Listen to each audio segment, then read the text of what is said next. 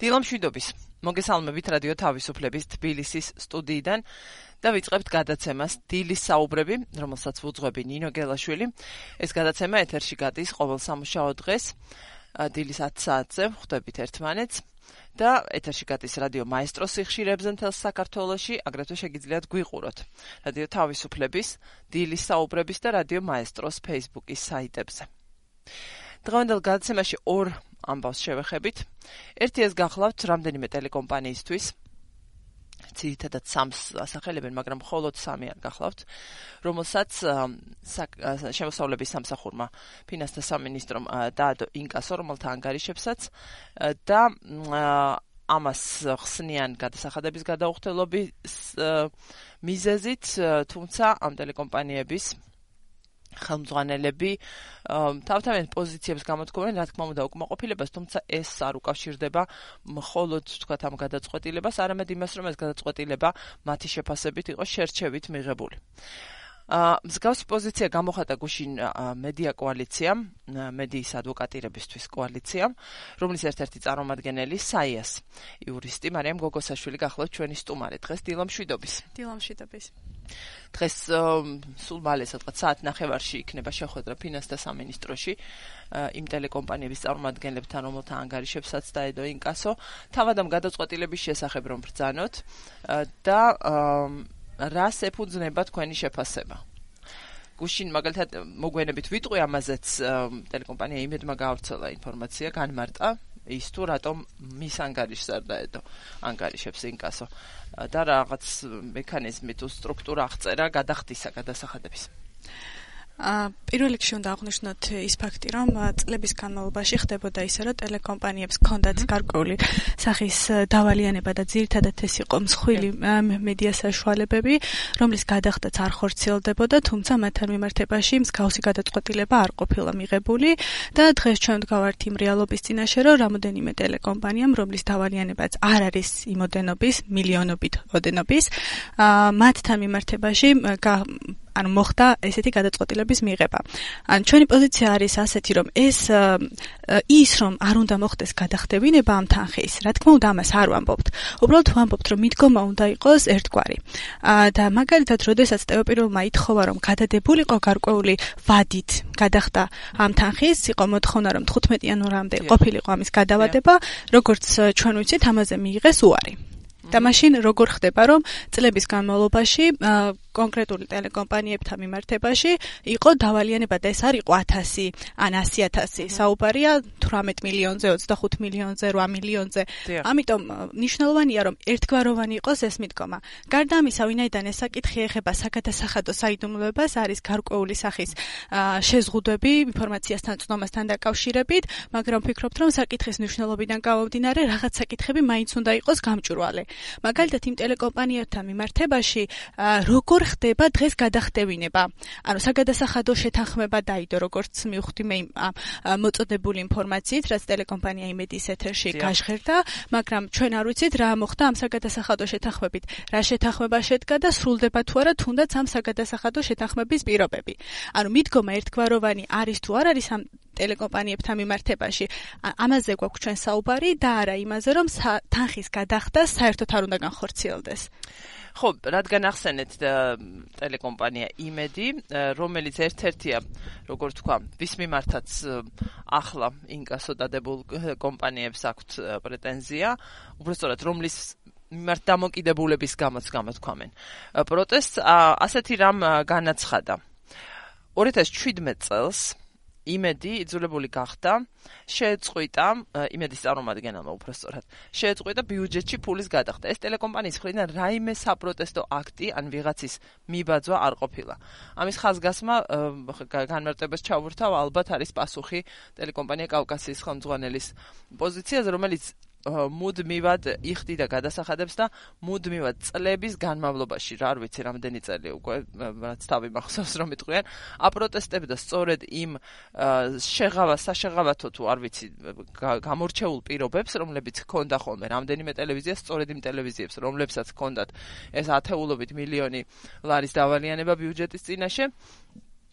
ნინო ჯანგირაშვილი აცხადებდა რომ რატომ ვიხდი მე და შემდეგ ერთ ჩვენი ერთ დღეს უბრალოდ რომ უნდა იხდიდეს ამაში ეჭვი არეპარებოდა მაგრამ ერთ ჩვენ დგება ერთი დღე და რაღაც უამრავ თანხას სხვა ტელეკომპანიებს ან პატიობენ ან არაჯარიმებენ ამის გამო და ასე შემდეგ. ამიტომ ეს მისთვის პასუხი არის, რომელმაც აი ახლა უკვე ამ ეტაპზე განაცხადა, რომ სწორედ იმის გამო რომ არ იყო სამართლიანი მიდგომა, მან გადაწყვიტა რომ შეეჩერებინა გადახდა. საქმე იყო შემდეგში, იმედის განცხადებას ვაგრძელებ, როდესაც ჩვენს პირდაპირ კონკურენტს მოუწევდა საგადასახადო ვალდებულებების შესრულება, დიდი ტელევიზიების შემთხვევაში კოლოსალურ თანხებზეა საუბარი, ეს უკანასკნელი ამ თანხას არასაგადასახადო ვალდებულებების შესასრულებლად, არამედ მაგალითად ტელეპროდუქციის გასაუმჯობესებლად გამოიყენებდა. ამიტომ არჩევანის წინაშე დავდექით, ან კონკურენციას უნდა დავწეოდით და მიგვეხო შესაბამისი ზომები, ან უბრალოდ ჩიხი იყო. ეს იყო მიზეზი, რის გამოც იძულებული ვიყავით გადასახადების გადახდა შეგვეწყვიტა. აცხადებს იმედის იურისტი. ანდრო ლაშხი. ის ირწმუნება, რომ კომპანიამ გადასახადების გადახდა 2019 წლის ოქტომბრიდან დაიწყო და შესაბამისად სამინისტროს მათ მიმართ ინკასო არ გამოუყენებია. როდესაც ფინანსთა მინისტრმა აგვისტოში თქვა, რომ მიმდინარე გადასახადების გადახდა ყველამ უნდა დაიწყოს და ჩვენ ეს პირობა შევასრულეთ, რაც შეეხება ძველდავალიანებას, მინისტრმა ასევე თქვა, რომ ტელევიზიებს მოლაპარაკება უნდა ეწარმოებინათ, ანუ რესტრუქტურიზაციის გეგმა წარედგინათ. ყველა ეს პირობა შევასრულეთ, მიმდინარე დავალიანება არ გვერიცხება. შესაბამისად იმედის ან მაესტროს მიმართ ინკასოს საფუძველი არ არსებობს. რამდენიმე რამეს ვიგებთ ამ განმარტებიდან. და ირას. აა პირველი ის რომ საკითხი არის ბოდიში მსმენელი ყავს ხაზზე ვიდრე მიპასუხებთ ბოდიში გიხდით დილამ შვიდობის გისმენთ. აა გამარჯობა კალბატონო ნინო. გამარჯობა გისმენთ. თქვენ თუმას და მე ესეთი კითხვა მაქვს. მოდი თქვათ ესეთი რაღაცა რომ ეს ეხლა არ დაწებულა, არამედ არც გასაკვირია რომ მოხდა იმიტომ რომ ეს არ მოხდარიყო სააკაშვილი ივანიშვილის დროს 2007 წლიდან. ოდესაც ივანიშვილი ამას აფინანსებდა, უფინანსებდა სააკაშვილს მაშინ დიქტატურას, ხო? პუტინის ზეგავნა გაუმნი, რაც ჩვენ არ ვიცოდით, თურმე რა ხდებოდა იმათ სამზარეულო. ეს თქვით უკვე რომ წლები ახტება. არ იქნებოდა, ხო? არ იქნებოდა, იცით რატომ? ეს იგივე პოლიტიკური გადაწყვეტილება, აი წარმოედგინეთ, ჩვენ სახელმწიფო მაუწყებლობის დონის პარალელურ რაქია სამთავრობო ტელევიზორებს ვაძლებს შეყავათ რისთვის? მე მახსოვს მაშინ რუსთავი ორის თანამშრომლები პორშე კაიანები დადიოდნენ 40000 სიხდიდე თითო მანქანაში. და პრაქტიკულად გაცუმებულები იყვნენ მიუხედავად არსებული სოციალური სიღატაკისა და უსამართლობისა, რომელიც დღეს კიდევ უფრო გამწოვებულია. არა და რატო არ უნდა მომხდარიყო ეს სააკაშვილის გარეშე, როცა ერთი მიმართულება ხო ხაზი პუტინის კრემლიდან, რომ საქართველოს აპროცესებს იმას, რის გამოც თავზე ლაფი დაასხეს დღევანდელ ხელისუფლებას, რომ ის არის მათხვარა სიტყვის არც განა ვერ შემსულებელი, არ შემსულებელი ყველანაირად ევროპული სტანდარტების და ღირებულებების გამყალბებელი. სულიად ფაქტმაქსი და როცა უყურეთ რა შეასაქმე იზახიან რომ ჩვენ ეს ფლუქცია და ბიუჯეტის შესაძლებლად გუშინ გრიგოლიამ ძალიან კაი გადაცემა გაკეთა თუ რა სიღატაკეში ხდება 21 საუკუნეში საქართველოს მოსახლეობა მithumetis ბავშვებით და ეს ფული უნდა დაწულიყო ბიუჯეტშიო და იმიტომაც თვითონ პრობლემას ნახულობენ რომ ჩვენ ფულის სიცის გამო ვერაფერს ვერ ვაკეთებთ, ვერ ვწდები თუ ამ გაჟერებულ მოსახლეობასო. და ივანიშვილი მილიონად ყიდულობს ასამდე ასლოვან ხეს, ჩვენ გინდათ ერთ ნათვის ხეში, რომელიც სეზონის მერე მილიონია გადახდილი და 100000-იც არ ეღირება. რატომ უნდა გადავიხადოთ მილიონი და რატომ უნდა იყოს ის ტელევიზიები, რომლებიც ამას გააშუქებენ და ხელისუფლებას პასუხს მოსთხოვენ, იმიტომ რომ ხელსამთავრობო სალაქიო ტელევიზიო ტელევიზიები ხო ამითი პოპულარიზაციას ეწევიან და პოპულისტობენ ხელისუფლებასთან მიმართებაში რომლებიც კაი ხელფასებიდან გამომდინარე ქალბატონინო არიხიან გადასახადებს იმიტომ რომ ჩვენო მაშინო თანამშრომლებს დავაგავთ ეს თანამშრომლები ვინები არიან? მათი პარტიული კლანის წარმომადგენლებია რა გმადლობთ ტელევიზიებმა რა დააშავეს ხო, ამაზეა სწორედ ლაპარაკი. 2988-327-ია ჩვენი ტელეფონის ნომერი. დიდი მადლობა ამ ზარისთვის. მსმენელსაც გამოეხმაურეთ, ჩემ შეკითხვა იყო ის თუ რას ვიგებთ იმ განმარტებიდან, რა კითხვაზეც პასუხს ელოდებოდნენ და არ ვიცი ეს რამდენად არის იმ კითხვაზე პასუხი, მაგალითად იგივე ტელეკომპანია კავკასიის ხელმძღვანელი, რომ მისი კითხვა იყო, რატომ ესე იგი იმის გარკვევას ველოდებიო დღევანდელი შეხვედრისგან, როცა ამაზე ლაპარაკობდა, თუ რა მდგომარეობაშია ის 55 მილიონიანი დავალიანება, იმიტომ რომ მე მხოლოდ ამ დავალიანებასთან კონტექსში განვიხილავ ჩემს დავალიანებას. განაცხადა ჯანგირაშვილმა და დღეს ის ტელეკომპანია პირველის და რუსთავის როგორც მე ვიცი, ხელმძღვანელები შეხვდებიან ფინანსთა ministrs.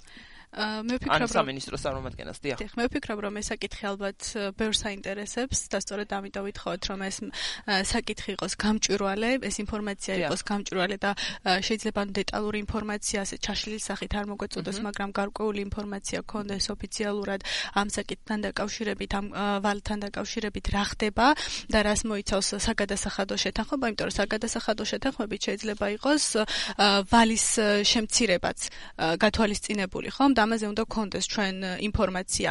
და ეს მართლა არ არის პირველი შემთხვევა, როდესაც ტელევიზიებთან მიმართებაში ხდება, მაგალითად 2012 წელსაც ჩამოეწერა გარკვეულ ტელეკომპანიებს ვალი იყო მანამდე პერიოდში 2012 წლამდეც აღნიშნული თანხა ჩამოწერილი. ამიტომ სწორედ ეს არის ეს საკითხი დღეს დგას დღეს, რომ რამდენად კონკურენტუნ არიან გარემოში უწევთ სხვა ტელევიზიებს მუშაობა. მე მესმის, რომ რეიტინგების შესაბამისად შეიძლება მხოლოდ კონკურენტად მეორე ერთ კომპანიას აღიქვავდიან ორ ორ კომპანიას აღიქვამდე ტელეკომპანიას, მაგრამ სხვა დანარჩენებზე ეს ხომ აისახება. როდესაც მაგალითად შენი შემოსავალი 10ჯერ და 100ჯერ აღემატება სხვა ტელეკომპანიის შემოსავალს და შენ არიხდი ამ თანხას და პატარა ტელეკომპანიას უწევს ამ თანხის გადახდა, რა თქმა უნდა ეს არათავნაბარ მდგომარეობაში გაყენებს მასთან მიმართებაშიც, არა მხოლოდ დიდ კომპანიასთან მიმართებაში.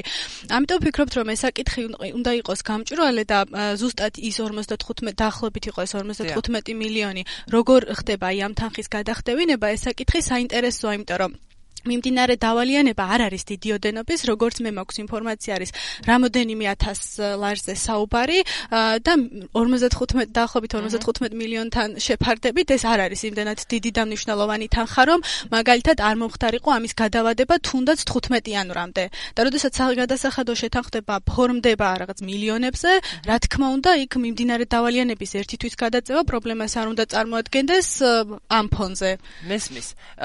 ასევე ვიცით რომ ეს არ ეხება ინკასოს დადებას გულისხმობ მხოლოდ სამ ტელეკომპანიას. რა თქმა უნდა, რეგიონებსაც შეეხოდა. თუ გაქვთ ინფორმაცია რა როგორ და ვის? ა კონკრეტულად ეს ტელეკომპანიები არ დასახელებულა, მაგრამ მაუწყებელთა ალიანსის წარმომადგენელთან მქონდა საუბარი და მან აღნიშნა, რომ მუდმივად ხდება ამ წლების განმავლობაში ინკასოს დადება სხვადასხვა რეგიონულ ტელეკომპანიებთან მიმართებაში და მათ ეს პრობლემა მუდმივად გააჩნიათ და ეხლა როგორც ვიცი ამ სამ ტელევიზიასთან ერთად კიდევ ერთ რეგიონულ მაუწყებელს დაედო ინკასო. საგადასახადო ახლა რომ არ ავრიოთ ღირებულებები თუ რა დავარქვა არ ვიცი, პრინციპები, კანონის უზენაესობის საკითხი, რაღაცები რომ არ ავრიოთ და გავაბუნდოვანოთ. მნიშვნელობა არ აქვს კანონის მიმართ.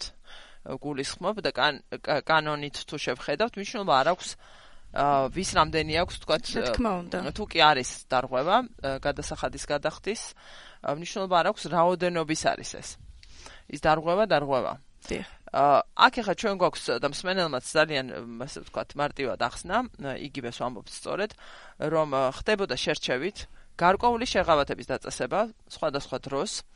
ეს ცხადდებოდა, არ იყო ესე ვთქვათ დაფარული ინფორმაცია, ხო ეს განცხადება გამოწვდა და მოსმენდით, აჰა, ნუ ვინც გადაწყვეტა, გადაწყვეტა. შემდეგ ვიღაც გამოთქვამდა პროტესტს, გააკრიტიკებდა და ჩაივლიდა ეს მატარებელი. შემდეგ კიდევ გარკვეული ლოგიკა ამას რა თქმა უნდა აქვს. სწორედ ისეთი, როგორიც აღწერა სმენელმა ურთიერთდამოკიდებულება ვთქვათ ხელისუფლებისა, მის მიმართ ლოიალური მედია საშუალებების მიმართ დიდ კომპანიებზეა საუბარი ძირითადად, ხო? კი ბატონო, ამ ლოგიკასაც ვხედავთ. მაგრამ რა საფუძველი აქვს მეორე მხრივ ამ გვარ გადაწყვეტილებებს? ამ თქვათ ვალის რესტრუქტურიზაციას, საშაღავათო პირობების დაწესებას, საშაღავათო პირობების დაწესებას 1, 2 ან 3 კომპანიისთვის და თუ კი მათ უწესებ, მაშინ ეს უნდა ღია იყოს გახსნილი თუ კი ასეთ გადაწყვეტილებაზე მიდიხარ. კანონს მიღმა ეს კანონში წერია მსგავსი რამ რომ შეიძლება ასე მოიქცე. აი კანონთან მიმართებით განვიხილოთ ეს პროცესი რომ კაფეო იყოს. დიახ, ან კანონი არ განასხვავებს, სწორად აღნიშნეთ, თქვენ რაოდენობის თანხა იქნება, ის იქნება 1 ლარი თუ იქნება 100 მილიონი. არ აქვს ამას მნიშვნელობა, ეს თანხა უნდა იყოს გადახდილი, იმიტომ რომ ეს თანხა ეკუთვნის სახელმწიფო ბიუჯეტს. და სწორედ ამიტომ აღნიშნეთ თავიდანვე, რომ ეს ამ თანხის არ გადახდაზე არ არის ამ შემთხვევაში საუბარი, ამ შემთხვევაში საუბარი არის ხელისუფლების დამოკიდებულებაზე სხვადასხვა ტელეკომპანიებთან მიმართებაში. აა ის ფაქტი რომ დღეს ეს ტელეკომპანიები ამ ტელეკომპანიებთან მიმართებაში საგადასახადომ წარადგინა შემოსავლების სამსახურმა წარადგინა საინკასო დავალება ანგარიშებთან მიმართებაში იმიტომ გახდა სწორედ საინტერესო რომ წლების განმავლობაში რატომ არ ხდებოდა სხვა ტელეკომპანიებთან მიმართებაში იგივე. მე მესმის რომ მათთან მიმართებაში დღეს გაფორმდა უკვე საგადასახადო შეთანხმება, შესაძლოა გაფორმდა, არ ვიცი, ამაზე ზუსტი ინფორმაცია არ მაქვს, როგორც აღნიშნეს და ხდება დაუშვით ამ ამ საგადასახადო შეთანხმებით განსაზღვრული თანხის გადახდა, მაგრამ სწორედ იმ 3 წლის დაახლოებით 3 წლის განმავლობაში თუ 2 წლის განმავლობაში ეს მიმდინარე დავალიანება რის გამოც ახლა ინკასოს თემა განიხილება, საინკასო დავალების თემა განიხილება ამ არ ხდებოდა მათთან მიმართებაში ამ საკითხის განხილვა. და დღეს, როდესაც ეს საკითხი დადგა და კიდევ რაც ძალიან მნიშვნელოვანია, გადავადება მოითხოვა ერთმა ტელეკომპანიამ, მას არ უთქვამს, რომ ვერ მოხდებოდა ამის გადახდა ან არაპირებდა გადახდას.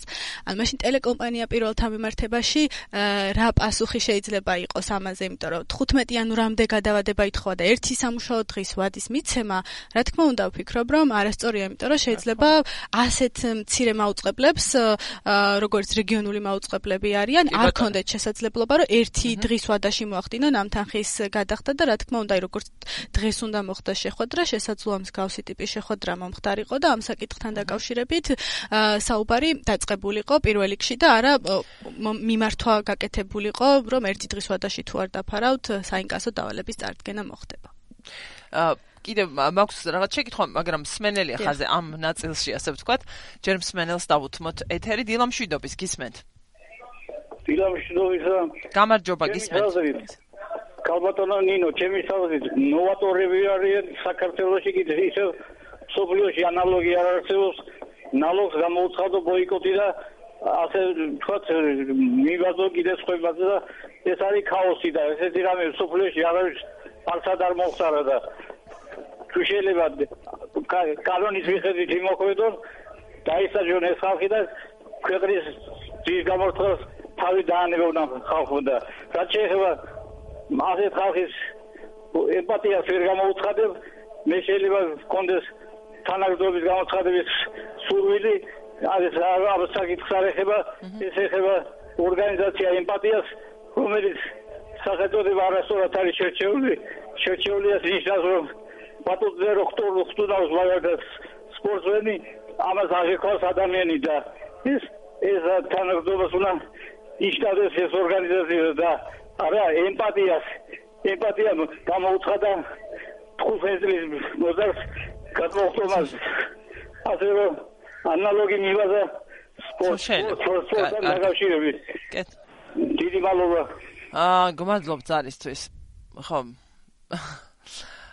არ ვიცი. დიდი მადლობა რომ დაგვირეკეთ რომ გვისმენთ. 29988 ჩვენ ტელეფონის ნომერი. ვიტყვი რომ პირველი ნაწილი უფრო გავიგე. მსმენელი ზარის არ ვიცი შეიძლება მე ვერ გავიგე ზუსტად. მეორე ნაწილი და რა რა კავშირში იყო საერთოდ. ორგანიზაცია ემპათია სახელწოდება და მოკლედ. და ხო მოდი პირველ ნაწილს ის რაც ჩვენი ახლანდელი საუბრის საგანი არის. აა კიდევ გავიმეორებ შეკითხვას. რამდენად აქვს კანონიერი საფუძველი იმას რომ მსგავსი შეღავათები სულერთიების მიმართ იყოს მოთხოვილი და იყოს გაცემული. სამართლებრივად გულისხმობ, არა სამართლიანობის პრინციპით, რაც ნამდვილად დარღვეულია. ა სამართლებრივად ზუსტად იმ პერიოდში, როდესაც ტელეკომპანიები არ იხდიდნენ გადასახად, მასთან მიმართებაში შესაძლებლობა გამოყენებული ყოფილიყო საგადასახადო საშემოსავლო შემოსავლების სამსახურის მიერ საინკასო დავალება. ამასთან ერთად, რა თქმა უნდა, საგადასახადო შეთანხმება არის კანონით გათვალისწინებული და შესაძლებელია საგადასახადო შეთანხმების გაფორმება და ამ შემთხვევაში, როდესაც სამხელა დავალიანება გადასახდელი, რა თქმა უნდა, სახელმწიფოს ურჩევნია, რომ მოახდინოს ვალის რესტრუქტურიზაცია და ეტაპობრივად მოხდეს ამ თანხის დაფარვა, ვიდრე ერთიანად საერთოდ არ მოხდეს და ვერ მოხდეს აღნიშნული თანხის ამოღება. რა თქმა უნდა, ეს სწორია სამართლებრივად ამის გაკეთება, მაგრამ არც დისკრიმინაციულ მიდგომასთან არ უნდა კონდეს ამ შემთხვევაში ადგილი, რომ მაგალითად იმ პერიოდშივე მე როგორც ვიცი რეგიონულმა უწყებლებთან მიმართებაშიც და ისინი ხშირად ამბობენ ამას, ხდებოდა საინკასო დავალების გაცემა. მაშინ, როდესაც კონკრეტულ ტელეკომპანიებთან მიმართებაში აღნიშნული არ ხორციელდებოდა. და რა თქმა უნდა, ეს არასწორია. ან კანონითაც არასწორ კანონის შესაბამისადაც არ გვაქვს ხო? ერთგვაროვანი მიდგომა ამ შემთხვევაში. და რეგიონული ტელეკომპანიები კიდევ უფრო დაუცველ მდგომარეობაში არიან და კიდევ უფრო არასტაბილურში შემოსავლების თვალსაზრისით გენებავთ ავიღოთ და განვითარების კუთხით ამ მხრივ. დღეს იქნება შეხვედრა თქვენ თუ გაქვთ საშუალება დასწრების ამ შეხვედრა საიას. არა, ამ შემთხვევაში მხოლოდ ტელეკომპანიის წარმომადგენლები არიან მიწვეული შეხვედრაზე და ისინი მოახდენენ ამ საკითხთან დაკავშირებით საუბარს. ხო, მათგან გავიგებთ დეტალებსაც. და იმეც გამოთქვა, რომ მოხდება გარკვეული სახის შეთანხმება ამ საკითხთან დაკავშირებით, რადგან საკმაოდ მნიშვნელოვანია, რომ ამ ტელეკომპანიებმა გააგრძელონ მუშაობა. ხო, რა თქმა უნდა, ჩვენ სულ ვამბობთ, რომ მედიაც არის ბიზნესი და ის უნდა მის მიმართ მიდგომას უნდა იყოს ყველა სხვა ბიზნესთან მიდგომის მსგავსი, თუმცა აქვს მაინც უნდა ვთქვათ ეს ის სპეციფიკა რა როლიც აქვს მას რა ტიპის პროდუქციაც და რა ტიპის ზეგავლენაც აქვს მედია საშუალებებს და ამდენად კიდევ სხვა განზომილებები შემოდის, როცა მედია კომპანიის საქმიანობაზე არის ხოლმე ლაპარაკი და იმ პრობლემებზე რაც შეიძლება ჰქონდეს ასეთ კომპანიებს. რა არის თქვენი ერთი ალბათ ალბათ არა, ასე არის თქვა თანასწორი მიდგომა. ხომ ანუ მედია კოალიციის პოზიცია რომ ჩამოვაყალიბოთ ახლა დასაწყისში ვახსენე განცხადება, თუმცა ახლა რომ ვთქვა სრულად. მედია კოალიცია, კოალიცია მედიის ადვოკატირებისთვის აერთიანებს არაერთ არასამთავრობო ორგანიზაციას და არა მხოლოდ ორგანიზაციას, ორგანიზაციას, ეს არის 11 ორგანიზაცია, რომელიც მუშაობს მედიის გასაძლიერებლად და მედიის უფლებების დასაცავად. ჩვენ ვფიქრობთ, რომ პროცესები უნდა იყოს გამჭვირვალე პირველი, რომ კონდეს ინფორმაცია, რომ მოახდინოთ შესაბამისი შეფასება და შემდგომში თუ საჭირო იქნება რეაგირება და მეორე ეს არის რომ აუცილებლად მოუწოდებთ ფინანსთა სამინისტროს რომ გამოიჩინოს ერთგვაროვანი მიდგომა ყველა ტელეკომპანიასთან მიმართებაში. ეს ეს ერთგვაროვანი მიდგომა ნიშნავს თუ არა იმას რომ მაგალითად დღეს თუ ამ სამ კომპანიასთან რომელიც შეხვედრაში მონაწილეობას აპირებს იქნება მიღწეული გარკვეული შეთანხმება მსგავსი რესტრუქტურიზაციის უფლება უნდა მიეცეს ნებისმიერ კომპანიას მედია კომპანიას, რომელიც მაგალითად სადმე საქართველოსში მაუწყებლობს. მე ვფიქრობ, რომ უნდა იყოს ერთიანი სტანდარტი ამ საკითხთან დაკავშირებით ჩამოყალიბებული, რომ შემდგომშიც არ გაჩნდეს მსგავსი განცდა იმისა, რომ მაგალითად რომელიმე ტელეკომპანია პრივილეგიით სარგებლობს და რომელიმე მაგალითად 50 თეთრის გამოწყობილა შემთხვევა, რომ საინკასო დავალება ყოფილიყო წარდგენილი, როგორც მე ვიცი და ეს წლების განმავლობაში ხდებოდა, ეს არ არის რაღაც ბოლო წლების ამბავი. ამიტომ რაღაც ერთიანი სტანდარტი უნდა შემუშავდეს ამ საკითხთა მიმართებაში. ერთი რამაც არის სმენელია ხაზზე დილამშვიდობის გისმენთ. დიახ, გამარჯობა ქალბატონო, მივესალმები თქვენ სტუმარს. მე რატომღაც ეხა мотиваცია გამიჩნდა აი წინამსმენელმა დარეკა თქვენთან და აი ემპათიასთან დაკავშირებით თუ თუ შეიძლება. გაიგეთ ეგ ნაწილი. დიახ არა გავიგე ეს ჩემი ჩემი აზრით ეს რა არის. ერთი მე კითხვა მინდოდა და ამესვე ფაქტიურად ამ მსმენელის კითხვა მინდა გავიმეორო რომ მე მესმის აშკარად არ არის სწორი ასეთი შერჩევითი მიდგომა და რას უნისდევს ამას ხვდებით თავრობის ხრიდან მაგრამ მართლა აი რამდენად სწორია როდესაც თქვათ თქვათ აი კავკასია არ გადი ანუ პროტესტის ნიშნად არ გადაიხდის გადასახადს. ნუ მაინც ხო არ არის მეთქი სწორი აი ამის თქმა მინდოდა. ანუ გადასახადი ხალხი მაინც უნდა გადაიხადო. ანუ სხვა სახით შეგიძლია ალბათ ეს პროტესტი გამოხატო და რაც შეეხება ემპათიას მე ესე მგონია რომ ხა აი ბოლო წლის განმავლობაში თითქმის ყველა გადაცემას უსმენ მე თქვენსაც ქალბატონიო და მე ესე მგონია რომ ეს ემპათია ახსენა ამ ბატონმა იმიტომ რომ თქვენ ჩვენ ყავს მე მგონი ორგანიზაცია ასეთი ემპათია ქვია. თქვენ საგარეიშვილია მე მგონი გვარი აი ზუსტად არ მახსოვს და მე მარიამ ჭიშკარიანია ხელმძღვანელი 3-4 თვის წინ ყავდა თქვენ მოწვეული ეს ქალბატონი და ამ ბატონმა როდესაც დარეკა რაღაც რუსეთთან მიმართებაში თავისი პოზიცია დააფიქსირა და ქალბატონმა ცაგარეიშვილია თუ არ ვწდები მარიამ ჯიშკარიანია წარმომადგენელი ახლა ხო? ხო აი ბოდიში და აი ხო და აი მე მგონი ბოლოს რაღაც ისე უპასუხა რომ აი აჰა დიდი მადლობა ამ განმარტებისთვის მადლობა დიდი. ხო დიდი მადლობა იმისთვისაც რომ ვიცი რომ გვისმენთ სისტემატურად და ძალიან დიდი მადლობა. აგერ მსმენელმა შემახსენა და აკავშირა ხო რთულია ამის აღქმა ამდენი ხნის შემდეგ და ხო რას რატომ მოიტანა ვთქვა აქ ამ გადაცემაში ეს იყო ჩემთვის დამაბნეველი ამ თემაზე. საუბრისას ძალიან დიდი მადლობა რომ დაგვირეკეთ. 2988327-ია ჩვენი ტელეფონის ნომერი. რა თქმა უნდა გადასახადების გადახდა არის სავალდებულო კანონით მოთხოვნილი და დარღვევა ამისი არ გადახდა. ნებისმიერ ფიზიკური თუ იურიდიული პირისთვის რაც შეეხება იმ პოზიციას რაც არის ვთქვა პროტესტულ პოზიციას ისა კავკასიას ეხებოდა მე მქონდა სურვილი მოკლე დღეს ყოფილიყო ჩვენი გადაცემის მონაწილე, მაგრამ არ გამოვიდა. ობიექტურ მიზეზთა გამო და ამ პოზიციას რაც შეეხება ასე რომ შევხედოთ წლების განმავლობაში ის უსამართლო დამოკიდებულება სატელევიზიო ბიზნესების მიმართ ხელისუფლებების მხრიდან როცა არასდროს დაუყენებია კითხვის ნიშნის ქვეშ იმავე ტელეკომპანია კავკასიას გადასახადების გადახდა. ძალიან რთული ასეთ უსამართლო გარემოში იყო კონკურენტული ასე ვთქვათ არ გააჩერო ბიზნესი როცა ამდენად უსამართლო შეღავათების პირობებში უწევთ სხვა კომპანიებს საქმიანობა რომლებიც ისედაც ფლობენ არაერთ უპირატესობას ახლა დღევანდელი გადაცემის თემა ეს არ არის. და ეს იყო ალბათ კი არა და თავადაც ამბობს მისი ამ მიდგომის და ამ ამგვარი მოქმედების მიზეზი.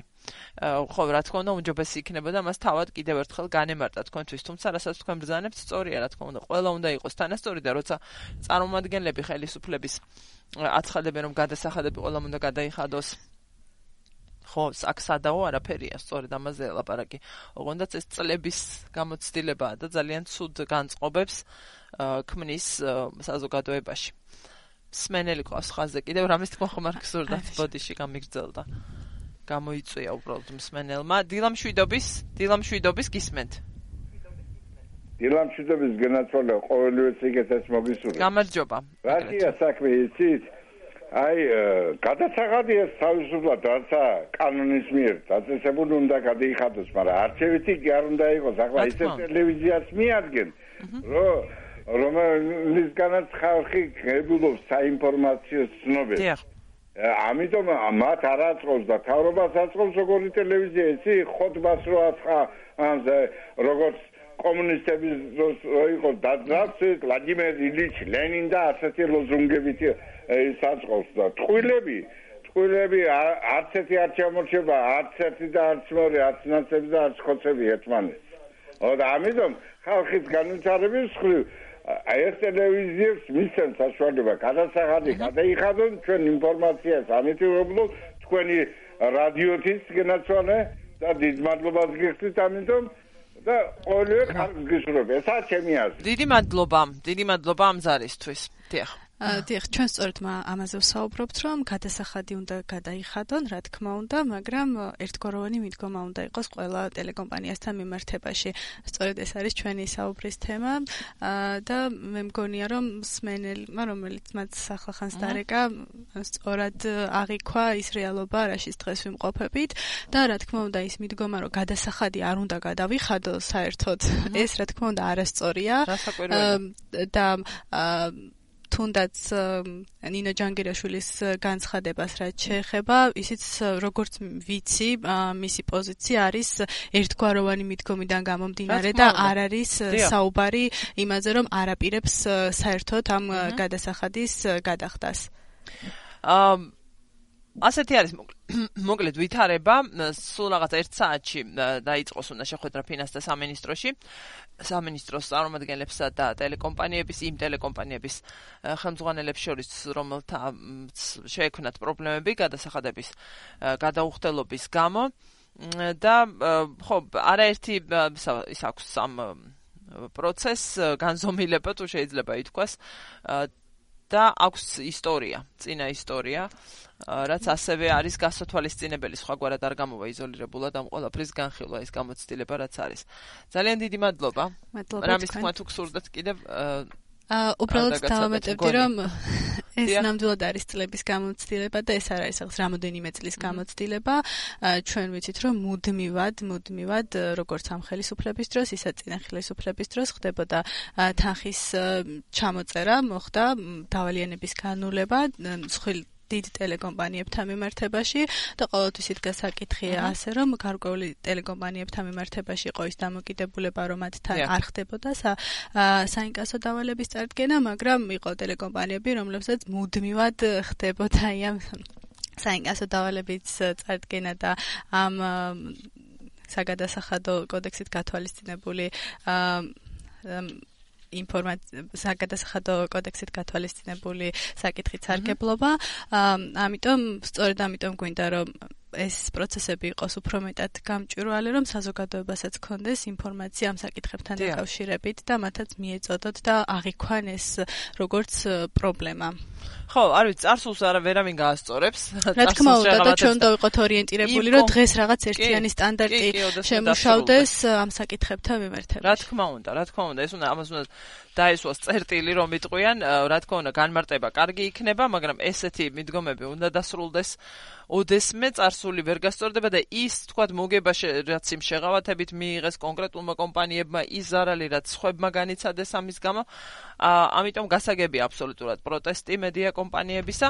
შევხედოთ დაველოდოთ ამ შეხვედრასაც დღეს რას მოიტანს. ძალიან დიდი მადლობა მარიამ გოგოსაშვილი. საიას იურისტი გახდა ჩვენი სტუმარი ის სწორედ მედიის საკითხებს კურირებს ამ ორგანიზაციაში